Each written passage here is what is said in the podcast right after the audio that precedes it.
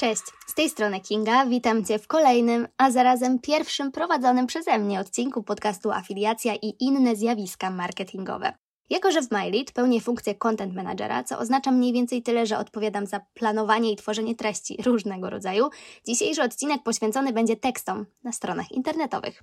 Dlaczego? Dlatego, że tekst to Twoja wizytówka. Aby klient skorzystał z oferty, powinien najpierw na nią trafić. Żeby tak się stało, musi ją znaleźć i tutaj pojawia się między innymi wątek słów kluczowych, które go do tego doprowadzą. Przy tej okazji przypominam oczywiście o odcinkach na temat SEO prowadzonych przez mentora Czarka, które znajdziesz na kanale sieci afiliacyjnej MyLead. Odcinki te będą podlinkowane w opisie, podobnie jak wszystkie narzędzia wspierające pisanie, o których będzie mowa nieco później. Tak czy siak, w tym podcaście opowiem o tym, jak zarobić za pomocą tekstu. Ale zanim przejdę do części merytorycznej, ostatnich kilka zdań na temat tego, co znajdzie się w dzisiejszym odcinku. A pomówimy sobie o tym, jak ludzie zachowują się w internecie, dlaczego profil odbiorcy powinien zostać przygotowany jeszcze zanim powstanie tekst, czy czcionka, a poprawnie mówiąc font, ma znaczenie, jak tworzyć nagłówki ICTA, czym jest język korzyści oraz dlaczego jako wydawca sieci afiliacyjnej, czy też szerzej marketer, powinieneś znać podstawy psychologii społecznej. To co? Zaczynamy. Jak czytamy w internecie? No cóż, nie czytamy. Badania Nielsena z 1997 roku wykazały, że zaledwie 16% internautów skrupulatnie czyta treści na stronie. Na ogół mówi się o około 20%, no ale jest to wciąż bardzo niewiele. W zamian za to skanujemy strony internetowe, wybierając pojedyncze słowa lub zdania. I choć od przeprowadzenia tych badań minęło już około 25 lat, niewiele się w tej kwestii zmieniło. Co to oznacza? Mniej więcej tyle, że strony internetowe muszą wykorzystywać tekst możliwy do zeskanowania, a taki zawiera przede wszystkim wyróżnione słowa kluczowe, np. poprzez inne odmiany kroju pisma, kolor czy linki hipertekstowe, które również służą jako jedna z form wyróżniania, podtytuły, listy punktowane, akapity dotyczące wyłącznie jednego tematu, połowę liczby słów lub nawet mniej niż tradycyjne teksty, czy tak zwany styl odwróconej piramidy, czyli zaczynanie od zakończenia. Możesz w to wszystko wierzyć lub nie, ale zastanów się, czy łatwiej będzie Ci przeczytać objętościowo długi tekst, porównywalny do kilku stron A4, który nie będzie podzielony na akapity, nie będzie zawierał śródtytułów, boldowania, czyli pogrubienia, ramek i tak dalej, czy też tekst długości najwyżej dwóch stron A4 z tymi wszystkimi elementami. Podpowiadam, wybierzesz ten drugi. Dlaczego? Dlatego, że po pierwsze spieszysz się i szkoda Ci czasu na czytanie, po drugie, umiesz skanować. No i po trzecie, zdajesz sobie sprawę z tego, że nie wszystkie informacje w tekście będą Ci potrzebne. Zdradzę Ci pewien sekret. Twój odbiorca jest dokładnie taki sam. Pomówmy zatem o skanowaniu. Istnieją dwa rodzaje skanowania, tak zwane w kształcie litery Z, które dotyczy czytania gazet, no i nie będziemy się tutaj szczegółowo nim zajmować, oraz w kształcie litery F, związanego z czytaniem w sieci. Takich informacji dostarczyły nam badania eye trackingowe, czyli te śledzące ruchy gałek ocznych. I tak, jasne, że nie zawsze możemy mówić o literze F. Czasem nasze skanowanie przypomina bardziej literę E czy L. Ma to na przykład miejsce wtedy, gdy od razu pędzimy na koniec artykułu, by sprawdzić podsumowanie. W kontekście czytania ważne jest również pojęcie linii zanurzenia. W przypadku stron internetowych jest to dolna linia ekranu, która oddziela widoczną część strony www od tej, która wymaga przewijania. Dlaczego jest tak istotna? Ponieważ Twój odbiorca najbardziej skupia się na tym, co widzi tuż po otwarciu strony. Co więcej, jego uwaga skupia się przez zaledwie 3 do 5 sekund, co oznacza, że masz zaledwie tyle, by go zainteresować. Z tego też powodu najważniejsze informacje, takie jak chociażby chwytliwe CTA, powinny znaleźć się właśnie tam. Ale to nie wszystko, co powinieneś zawrzeć w pierwszej sekcji strony. Dobrym pomysłem będzie chociażby ikona kursora czy strzałki zachęcająca użytkownika do przejścia niżej. Zastanawiasz się pewnie, kiedy czytamy uważnie. Po pierwsze, wtedy, gdy treść nas interesuje i nie jesteśmy zmuszeni do zapoznania się z nią, a po drugie, gdy jest odpowiednio sformatowana, czyli bardziej przyjazna dla oka, o czym mówiłam przed chwilą. Jak to się ma do czytania na urządzeniach mobilnych? Tamte liczby są jeszcze niższe, a to dlatego, że zwyczajnie oglądanie małych liter na niewielkich ekranach jest po prostu nieprzyjemna. Nie znaczy to jednak, że nie powinieneś pisać, no bo tak jak już ustaliliśmy, teksty są ważne, a o tym jak sprawić, by były bardziej atrakcyjne, dowiesz się z tego podcastu. Zanim zabierzesz się za pisanie, ustal, kto będzie Twoim czytelnikiem, odbiorcą, do którego trafić ma promowana oferta. Czasem będzie to proste, jak na przykład wtedy, gdy program partnerski będzie dotyczył artykułów dla niemowląt. Wówczas idealny konsument to kobieta w ciąży lub świeżo upieczona mama. Są jednak takie programy, które mogą okazać się atrakcyjne zarówno dla kobiet, jak i mężczyzn i to w dodatku w różnym wieku. Przykładem mogą być niektóre suplementy diety czy oprogramowania używane przez użytkowników różnych płci. W takiej sytuacji najlepiej, jeśli zdecydujesz, kto będzie głównym odbiorcą Twoich komunikatów. Pozwoli to skupić się na potencjalnie najlepiej rokującej grupie, jeśli chodzi o możliwość konwersji. No ale właśnie, jak zdefiniować taką grupę docelową? W tym celu zadaj sobie kilka pytań dotyczących demografii Twoich klientów, przykład skąd pochodzą, czy ile mają lat, oraz aspektów psychograficznych, czyli jak spędzają czas wolny, czy czym się interesują. Przy okazji omawiania grupy docelowej warto zahaczyć o pojęcie persony. Persona to półfikcyjna reprezentacja Twojego idealnego klienta. Personę buduje się w oparciu o badania rynku i rzeczywiste dane o obecnych klientach. Jeśli więc posiadasz wiedzę pozwalającą na stworzenie person, zainteresuj się tym tematem. Do budowy person polecam szczególnie narzędzie Make My Persona od HubSpot. Przechodząc przez intuicyjny kreator z łatwością stworzysz profil idealnego odbiorcy. Gdy już wiesz, kto najchętniej zainteresuje się polecanym przez Ciebie produktem lub usługą, dostosuj swój język. Produkty kierowane do dwudziestokilkuletniej kobiety będą się znacząco różniły od tych dedykowanych mężczyznom 40+. I tak na przykład napój może być po prostu gazowany, ale niekiedy lepiej powiedzieć, że jest on napełniony milionem delikatnych bąbelków. No i mam nadzieję, że rozumiesz, o czym mówię. Na moment przejdźmy do samego wyglądu tekstu. W końcu jest to dość istotny element, bo przecież na teksty najpierw patrzymy.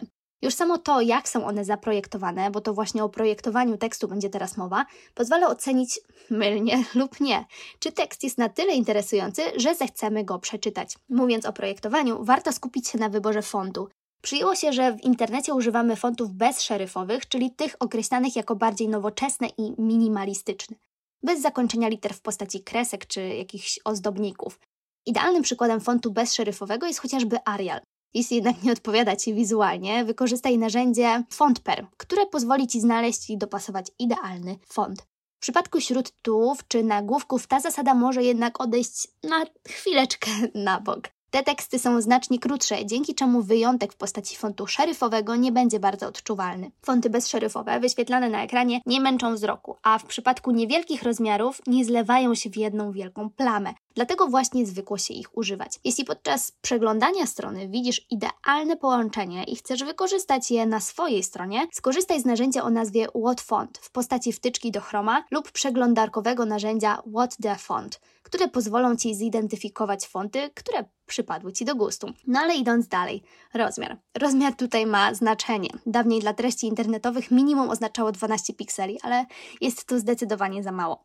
Optymalny rozmiar fontu to około 14 do 18 pikseli dla tekstów i minimum 30 dla nagłówka. Początkowo może Ci się to wydawać sporo, ale ludzki wzrok bardzo szybko jest w stanie zaadaptować tę zmianę i po chwili nie odczuwa większej różnicy. Pamiętaj też o odpowiednich odstępach między linijkami standardowego tekstu. Mówi się, że powinny być o 150% większe od wielkości fontu, czyli dla fontu o rozmiarze 12 pikseli będą to 24 piksele.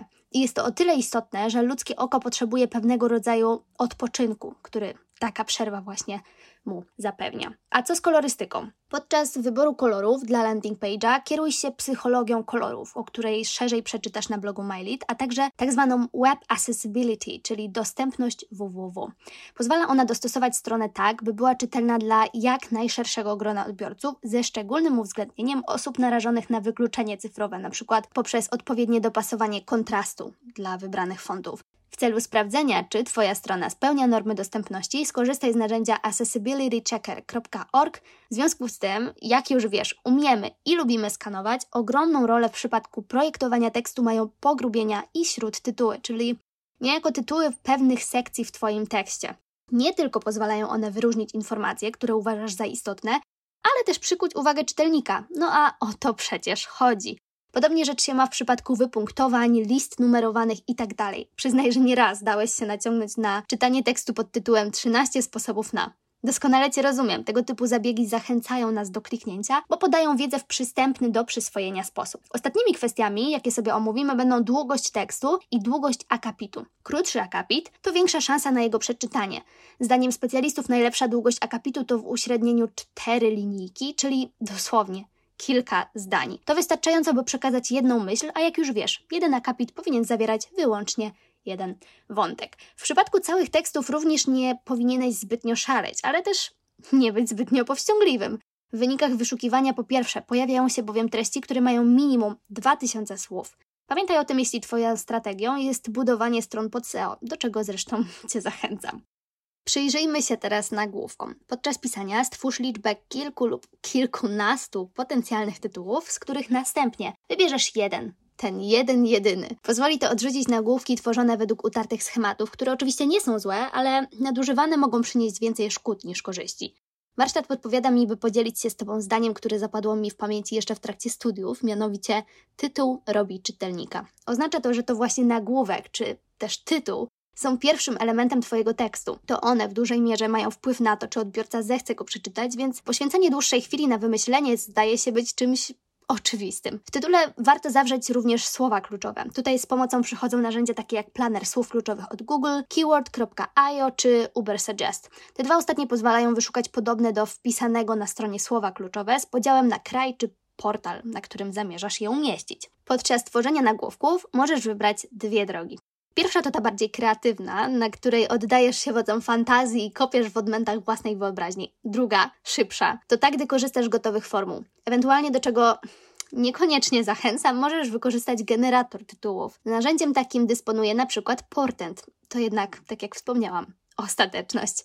Przejdźmy zatem do kilku przykładów formuł. Jednym z nich jest budowanie napięcia gramatycznego poprzez umieszczenie znaku zapytania w miejscu kropki. I brzmi to mniej więcej tak. Witamina D3 to idealna witamina? Wyobraź sobie to samo zdanie bez znaku zapytania na końcu. To zwykłe zdanie oznajmujące. Dlaczego więc tego typu tytuły zachęcają? No bo właśnie, owiane są pewną tajemnicą, zawierają lukę informacyjną. Innym przykładem są wyliczanki. 10 sposobów na promocję programów partnerskich, 3 błędy, które popełniasz w trakcie promocji i tak dalej. Warto pamiętać, że im bardziej nietypowa liczba na początku tytułu, tym większa szansa na sukces. Te klasyczne zdążyły nam się już przejeść, więc e, no cóż, musisz być kreatywny, ale nie przesadzaj z ilością, no bo im więcej, tym większy opór czytelnika przed zapoznaniem się z treścią. Ostatnim przykładem będą tytuły rozpoczynające się od jak? Jak poprawić pamięć w jeden wieczór? Jak szybko zostać influencerem? Jak zrobiłem furorę na. No cóż, każdy z nas chciałby poznać sposób na sukces, a tytuł rozpoczynający się od jak napawa nadzieją na jego poznanie. Ostatni z elementów, o którym będzie dziś mowa, to Call to Action, czyli CTA. Jak sama nazwa wskazuje, powinno to być wezwanie do działania, ale umówmy się, nikt nie lubi, gdy mówi się mu, co ma robić.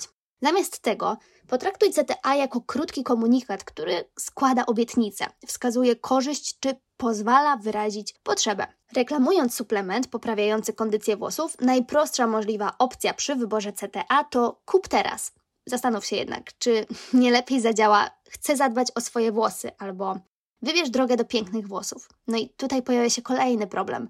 Mówić do klienta per ty, czy postawić na tekst pisany w pierwszej osobie. Tutaj nie ma jedynej słusznej odpowiedzi. Musisz testować. Specjaliści wskazują, że pierwszoosobowa forma sprawdza się częściej. Możesz więc rozpocząć testy od sprawdzenia jej na swojej stronie. Skoro już ustaliliśmy, że komunikaty powinny przedstawiać realne zalety, pomówmy o języku korzyści. Jest to język wykorzystywany do opisów produktów lub kategorii i skupia się na kliencie, jego potrzebach, a przede wszystkim przedstawia wartość z zakupu. Żeby sprawdzić, czy zastosowałeś język korzyści, wykorzystaj metodę 3 razy co, czyli co to jest, co ten przedmiot robi lub zawiera i co mi to daje. Przykład. Podcast Afiliacja i inne zjawiska marketingowe, czyli już wiemy, co to jest, jest przepełniony wiedzą o marketingu afiliacyjnym i innych odmianach marketingu internetowego, czyli wiemy, co taki podcast zawiera. Dzięki czemu Twoje działania promocyjne po jego wysłuchaniu będą skuteczniejsze. Wiemy, co da nam wysłuchanie podcastu. Istnieje też coś takiego jak laddering, czyli zadawanie pytań od ogółu do szczegółu. Ma na celu stopniowe dojście do sedna sprawy. Omówmy to na przykładzie. Korzystając z ladderingu, słuchaczowi mogłabym zadać następujące pytania. Dlaczego chcesz wysłuchać tego podcastu? Bo chcę dowiedzieć się więcej o afiliacji. Dlaczego chcesz wiedzieć więcej o afiliacji? No bo chciałbym nauczyć się, czy chciałabym nauczyć się lepszych technik promocji. Czemu chcesz nauczyć się lepszych technik promocji? Bo dzięki temu moje działania będą skuteczne. Co dzięki temu osiągniesz? Zarobię więcej. Czemu chcesz więcej zarabiać? Bo jest to moje główne lub jedyne źródło zarobku. Ustaliliśmy zatem, że motywem nie są zainteresowania słuchacza, a konieczność wynikająca z jego sytuacji finansowej. I to właśnie ona będzie głównym motywem podejmowanych przez niego decyzji. Chcąc zachęcić go do wysłuchania kolejnego odcinka, moglibyśmy wykorzystać CTA brzmiące Chcę zawalczyć o swoją wolność finansową. Rozumiesz? Na koniec pomówmy sobie nieco o psychologii. Znasz takie pojęcia jak efekt pierwszeństwa i efekt świeżości? Efekt pierwszeństwa polega na tym, że prędzej zapadają nam w pamięć te informacje, które docierają do nas jako pierwsze. Efekt świeżości z kolei polega na tym, że równie łatwo zapamiętujemy te informacje, które docierają do nas na końcu. W przypadku pisania tekstów to dość istotne zależności. To właśnie dzięki nim najważniejsze treści znajdują się zarówno na początku tekstu, jak i w jego podsumowaniu. Mając tę świadomość, łatwiej stworzysz opis produktu lub usługi, wiedząc, że klient przeczyta najpewniej pierwsze linijki, a później przeskoczy do końca opisu, skanując w międzyczasie pozostałą treść. Możesz skupić się dzięki temu na wyróżnieniu największych korzyści właśnie w tych miejscach. Poza wspomnianymi efektami, warto poruszyć kwestię reguł wywierania wpływu. Reguły to opisał Robert Cialdini w książce Wywieranie wpływu na ludzi, którą zresztą od lat polecam. Omówmy je pokrótce, by wskazać, jak możesz wykorzystać je w afiliacji. Reguła numer jeden to reguła wzajemności. Mówi ona o tym, że odwdzięczamy się ludziom, którzy wysłużyli nam jakąś przysługę, a w afiliacji możesz wykorzystać ją następująco. Stwórz poradnik w formie e-booka i rozdawaj go swoim odbiorcom. Osoba, która pobierze elektroniczną wersję książki, chętniej zarejestruje się na wskazanym przez Ciebie portalu, niż gdybyś wcześniej nic jej nie dał. Reguła ta działa, bo czujemy wyrzuty sumienia i chcemy w pewnym sensie spłacić dług wdzięczności u osoby, która nas obdarowała. Druga reguła to tak zwany społeczny dowód słuszności. W sytuacji, w której nie wiemy, jak postąpić w danym momencie, podejmujemy decyzję na podstawie obserwacji innych. Dlatego właśnie łatwiej przejść nam na czerwonym świetle, gdy widzimy, że ktoś przed nami podjął taką decyzję. Przyznaj, ty również podążasz za stadem i wyszukujesz opinii na temat kupowanych produktów w sieci. To samo robią twoi odbiorcy. Na swojej stronie lądowania umieść opinię o produkcie, które sprzedajesz, widząc pozytywny odbiór, ale też niezbyt wyidealizowany, skłonisz klientów do zakupu. Reguła numer 3 to reguła lubienia i sympatii. Jej działanie opiera się na tym, że chętniej mówimy tak osobom, które darzymy sympatią, aby wykorzystać ją w zadbaj o więź z klientami. Gdy przekonasz ich do siebie, prościej będzie Ci zachęcić ich do skorzystania z Twojej oferty. Innym czynnikiem wpływającym na lubienie jest podobieństwo. Gdy nowo poznana osoba, tak jak Ty, interesuje się bieganiem, łatwiej nawiążesz z nią kontakt. Pokaż więc klientom, że nadajecie na tych samych falach. Niech wiedzą, że podzielasz ich zainteresowania, a w konsekwencji zapewne znasz się na tym, co próbujesz sprzedać. Reguła czwarta to reguła autorytetu. Gość w białym kitlu, mówiący o leku na kaszel, piłkarz polecający ciuchy sportowe, czy znany szef kuchni reklamujący nową restaurację w mieście. Znasz to. Ulegamy autorytetom, nie zastanawiając się nawet, czy są prawdziwe. W końcu jaką masz pewność, że wspomniany lekarz posiada wymagane kwalifikacje? Żadną. Ale nie myślisz o tym oglądając reklamę. Zawierzenie autorytetowi jest dla nas wygodne, bo zwalnia nas z dogłębnej analizy, a więc upraszcza świat. Reguła numer 5 to reguła niedostępności. To chyba najbardziej znana z reguł, która odwołuje się do założenia, że człowiek pragnie tego, co jest niedostępne albo czego jest mało. Aby ją wykorzystać, umieść timer na swojej stronie, który będzie odliczał do końca promocji i oglądaj skutki jego działania. I ostatnia z reguł, reguła zaangażowania i konsekwencji. Ostatnia reguła dotyczy założenia, że chcemy być postrzegani jako osoby konsekwentne w swoich działaniach. Kiedy dokonujemy wyboru, zajmując stanowisko w danej sprawie, chcemy być wiarygodni wobec po pierwsze samego siebie, ale po drugie wobec innych. Skoro więc Twój klient wyraził chęć zdobycia nowej wiedzy, prawdopodobnie potwierdzi zgodę na otrzymywanie od Ciebie newslettera. W marketingu ta reguła może sprawdzić się też poprzez upselling. Kupując jedną rzecz, jesteśmy bardziej skłonni dobrać do niej kolejną przez racjonalizowanie sobie, że jest to świetna okazja, którą trzeba wykorzystać, no bo przesyłka będzie darmowa lub drugi produkt dostaniemy za minus 50%. Uff, dobrnęliśmy do końca. W tym miejscu podzielę się z Tobą jeszcze kilkoma narzędziami, które wesprą Twoje copywriterskie zdolności. Do sprawdzania ortografii i interpunkcji polecam szczególnie narzędzia Language Tool i Grammarly. Oba posiadają możliwość zainstalowania wtyczki do przeglądarki, dzięki czemu korzystanie z nich przychodzi niemal naturalnie. Ja również korzystałam z nich podczas pisania scenariusza do tego odcinka. Pisząc w języku angielskim możesz też skorzystać z narzędzia ludwik.guru. Pozwala ono sprawdzić, czy zapisane zdanie jest używanie przez native'ów, czyli osoby od urodzenia mówiące w danym języku i zawiera szereg innych funkcji, które sprawdzisz na stronie narzędzia. Jednym z najczęstszych problemów, z jakimi spotykam się w czasie komunikacji, jest nieczytelny i niejasny przekaz. A w tym pomogą Ci jasnopis i Hemingway Up. Pozwalają one ocenić, na ile Twoja treść jest skomplikowana i czy nie warto wykorzystać nieco prostszego języka. A na koniec dwa słowniki wyrazów bliskoznatnych, czyli synonim.net i tezaurus. Pierwszy działający w języku polskim oczywiście, a drugi w języku angielskim. I to tyle. Mam nadzieję, że wiedza zawarta w tym odcinku pomoże Ci lepiej pisać, a w konsekwencji sprzedawać więcej. Raz jeszcze zachęcam do wysłuchania pozostałych odcinków naszego podcastu, który znajdziesz na portalach streamingowych takich jak Spotify, Apple Podcast, YouTube, Google Podcast i Stitcher. Żegnam się i być może do usłyszenia.